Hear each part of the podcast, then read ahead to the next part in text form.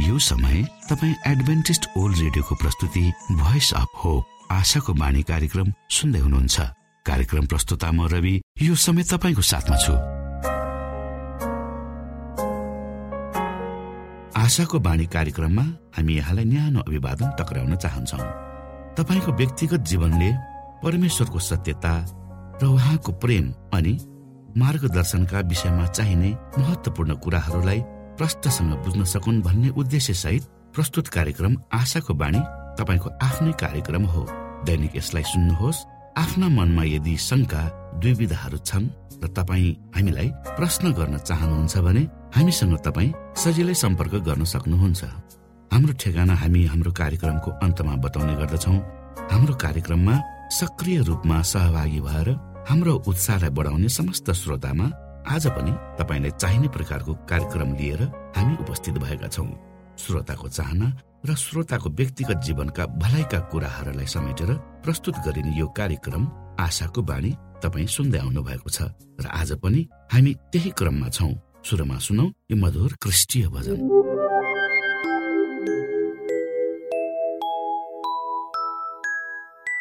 डुब्न चाहन्छु प्रभु तिम्रो प्रेमको सागरमा बग्न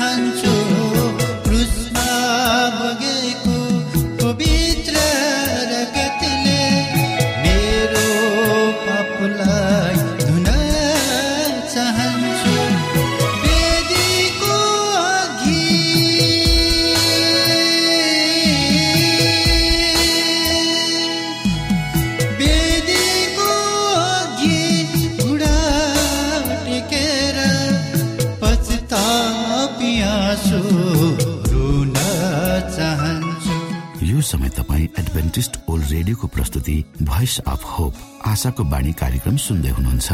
श्रोता मित्र यो समय हामी पास्टर उमेश पोखरेलबाट आजको बाइबल सन्देश सुन्नेछौ।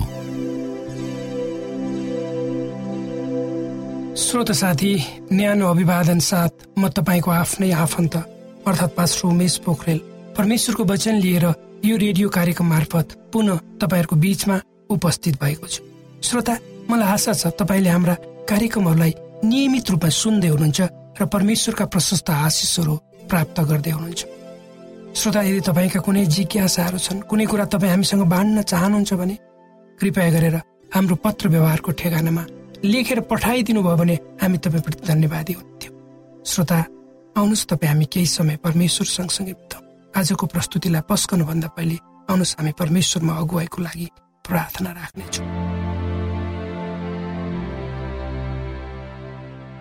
जीवी जिउँदो महान दयालु परमेश्वर प्रभु हामी धन्यवादी छौँ यो जीवन र यो जीवनमा दिनुभएका प्रशस्त आशिषहरूको। प्रभु यो रेडियो कार्यक्रमलाई म तपाईँको हातमा राख्दछु। यसलाई तपाईँको राज्य र महिमाको प्रचारको खात प्रयोग गर्नुहोस्। र धेरै मानिसहरू जो अन्धकारमा हुनुहुन्छ उहाँहरूलाई तपाईँको ज्योतितर्फ त्यसबाट तपाईँको महिमा सबै बिन्ती प्रभु यीशुको। आमेन।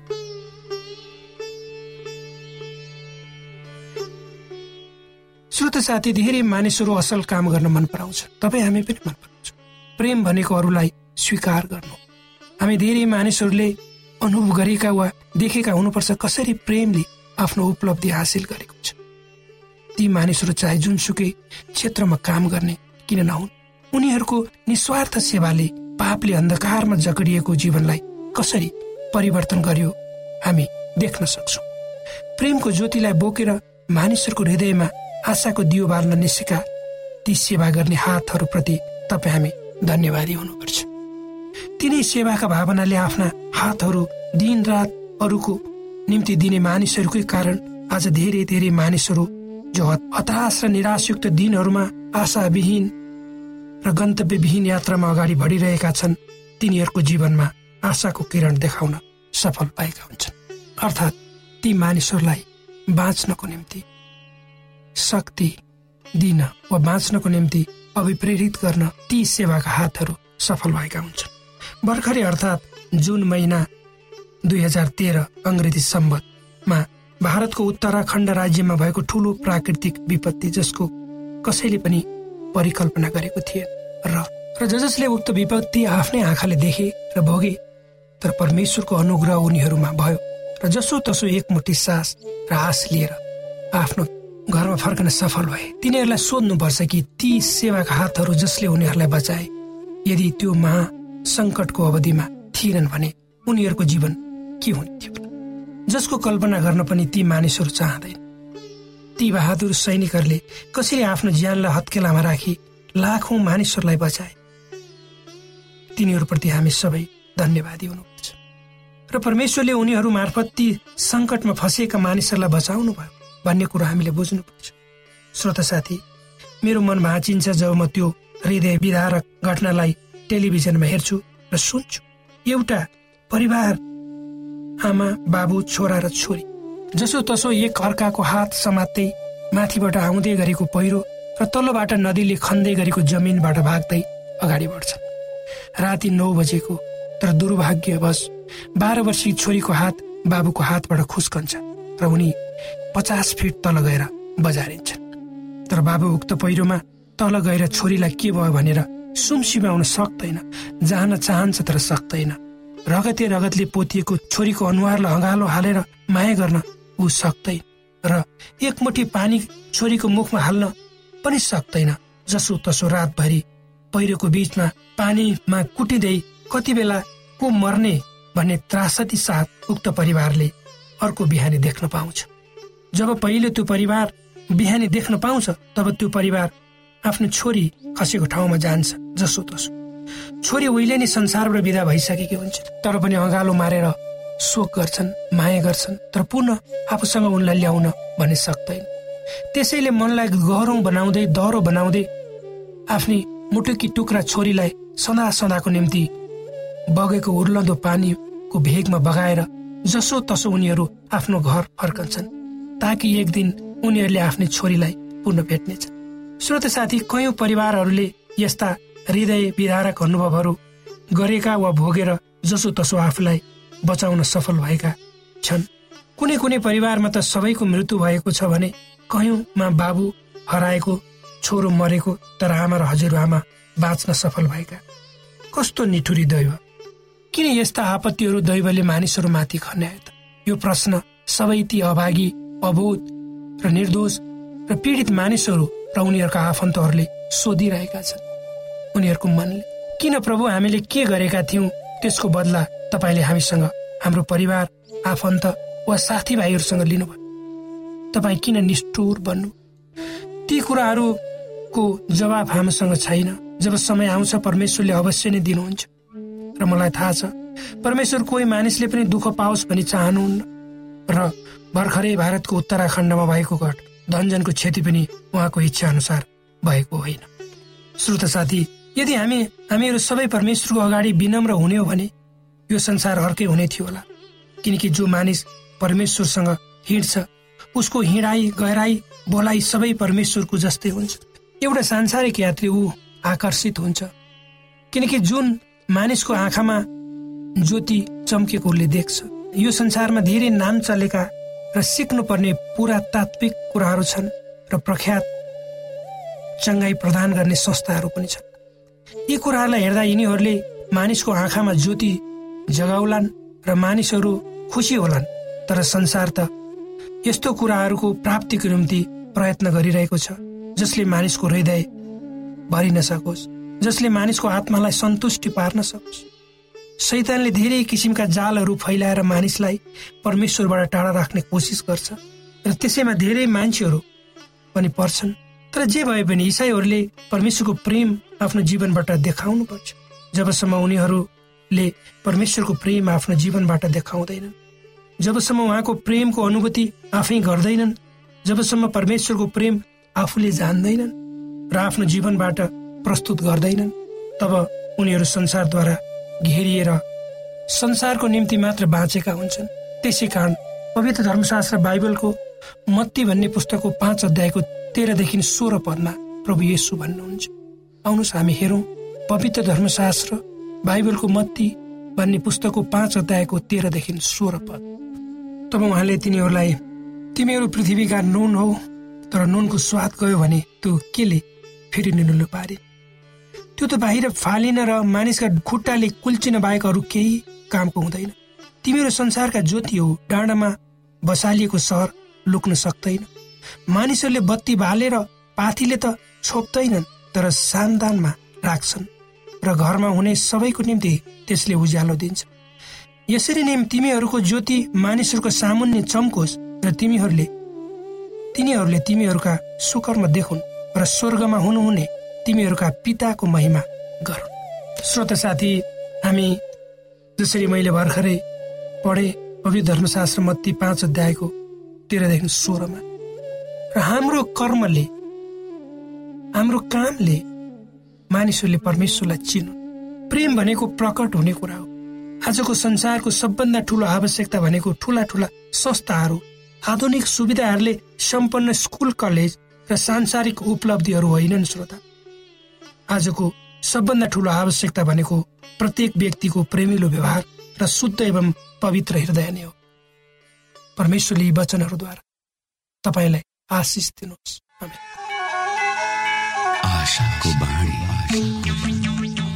श्रोता भर्खरै यहाँले पास्टर उमेश पोखरेलबाट बाइबल वचन सुन्नुभयो। यो समय तपाईँ एडभेन्टिस्ट ओल्ड रेडियोको प्रस्तुति भोइस अफ होप आशाको बाणी कार्यक्रम सुन्दै हुनुहुन्छ। कार्यक्रम सुनेर बस्नुहुने सबै श्रोतालाई हामी हाम्रो कार्यक्रममा स्वागत गर्न चाहन्छौ। श्रोता मित्र यदि तपाईँ जीवनदेखि हरेस खानु भएको छ तपाईँका जीवनमा धेरै अनुत्तरित प्रश्नहरू छन् भने आउनुहोस् हामी तपाईँलाई परमेश्वरको ज्योतिमा डोहोऱ्याउन चाहन्छौँ। र तपाईँ आफ्नो जीवनका चिन्ता फिक्रीबाट निश्चिन्त हुनुहोस् र बाँच्नुको आनन्द परमेश्वरको सामिप्यमा कति मिठो हुन्छ त्यो चाख्नुहोस् भनी हामी चाहन्छौँ। श्रोता यदि तपाईँ आशाको बाणी कार्यक्रमलाई अनलाइन सुन्न चाहनुहुन्छ वा डाउनलोड गर्न चाहनुहुन्छ भने डब्लुडब्लुडब्लु डट एडब्लुआर डट ओआरजीमा जानुहोस्। त्यहाँ तपाईँले प्रत्येक दिनको कार्यक्रम सुन्न र डाउनलोड गर्न सक्नुहुनेछ। हाम्रो वेब पेज यस प्रकार छ WWW dot AWR dot ORG श्रोता यदि तपाईँ हामीसित सिधै फोनमा सम्पर्क गर्न चाहनुहुन्छ भने हाम्रा नम्बरहरू यस प्रकार छन्। अन्ठानब्बे एकसाठी पचपन्न शून्य एक सय बिस अन्ठानब्बे एकसाठी पचपन्न शून्य एक सय बिस र अर्को अन्ठानब्बे अठार त्रिपन्न पन्चानब्बे पचपन्न. अन्ठानब्बे अठार त्रिपन्न पन्चानब्बे पचपन्न. श्रोता मित्रहरू ख्रिस्ट येशुको नाउँमा न्यानो अभिवादन जय मसिंह। म तपाईँहरूको साथी उमेश यमन थापा। आज फेरि तपाईँहरूको रेडियो सेट सामु उपस्थित भइसकेको छु। श्रोता मित्रहरू आज हामी मानिसलाई बचाउनको लागि परमेश्वरको के उपाय छ सो हेर्नेछौँ। मानिस जातिले परमेश्वरको विरुद्धमा गए र पापमा फसे। परमेश्वरले नगर्नु भनेको कुरा गरे र परिणाम स्वरूप मृत्यु चाख्न बाध्य भए। आज हामी मानिसलाई बचाउनको लागि परमेश्वरको के उपाय छ त सो हेर्नेछौँ। साँच्चै भन्नुपर्दा हामीले पाप गरे तापनि परमेश्वरले हामीलाई एउटा अनन्तको आशा दिनुभएको छ। जसले आफ्नो पाप स्वीकार गरी पश्चाताप गर्दछ र परमेश्वरमा विश्वास गर्दछ उसको पाप क्षमा हुनेछ र ऊ अनन्त जीवनको भागीदार हुन पुग्दछ भनेर पवित्र धर्मशास्त्र बाइबलले भन्दछ। परमेश्वरको आज्ञा उल्लङ्घन गर्नु भनेको पाप गर्नु हो र व्यवस्थाको विरुद्ध गर्नु भनेको हो भने पहिलो युनाको पुस्तक तीन अध्यायको चार पदले भन्दछ। अनि पापको निम्ति ईश्वरको सजाय मृत्यु नै हो भनेर रोमीको पुस्तक छ अध्यायको तेइस पदले भन्दछ कि पापको ज्याला मृत्यु हो भनेर। पाप गर्नुको कारण जब मनुष्यले सर्प अर्थात् शैतानको अधीनमा भएर आफ्नो मृत्यु निश्चित गर्यो तब ईश्वरले उसलाई बचाउन प्रतिज्ञा गर्नुभयो। तेरो र स्त्रीको बीचमा र तेरो सन्तान र स्त्रीको सन्तानको बीचमा म दुश्मनी हालिदिनेछु। त्यस्तै तेरो शिर कुच्याउनेछ। र तैँले त्यसको कुर्कुचा डस्नेछस् भने उत्पत्तिको पुस्तक तीन अध्यायको तिनको पन्ध्र पदले भन्दछ।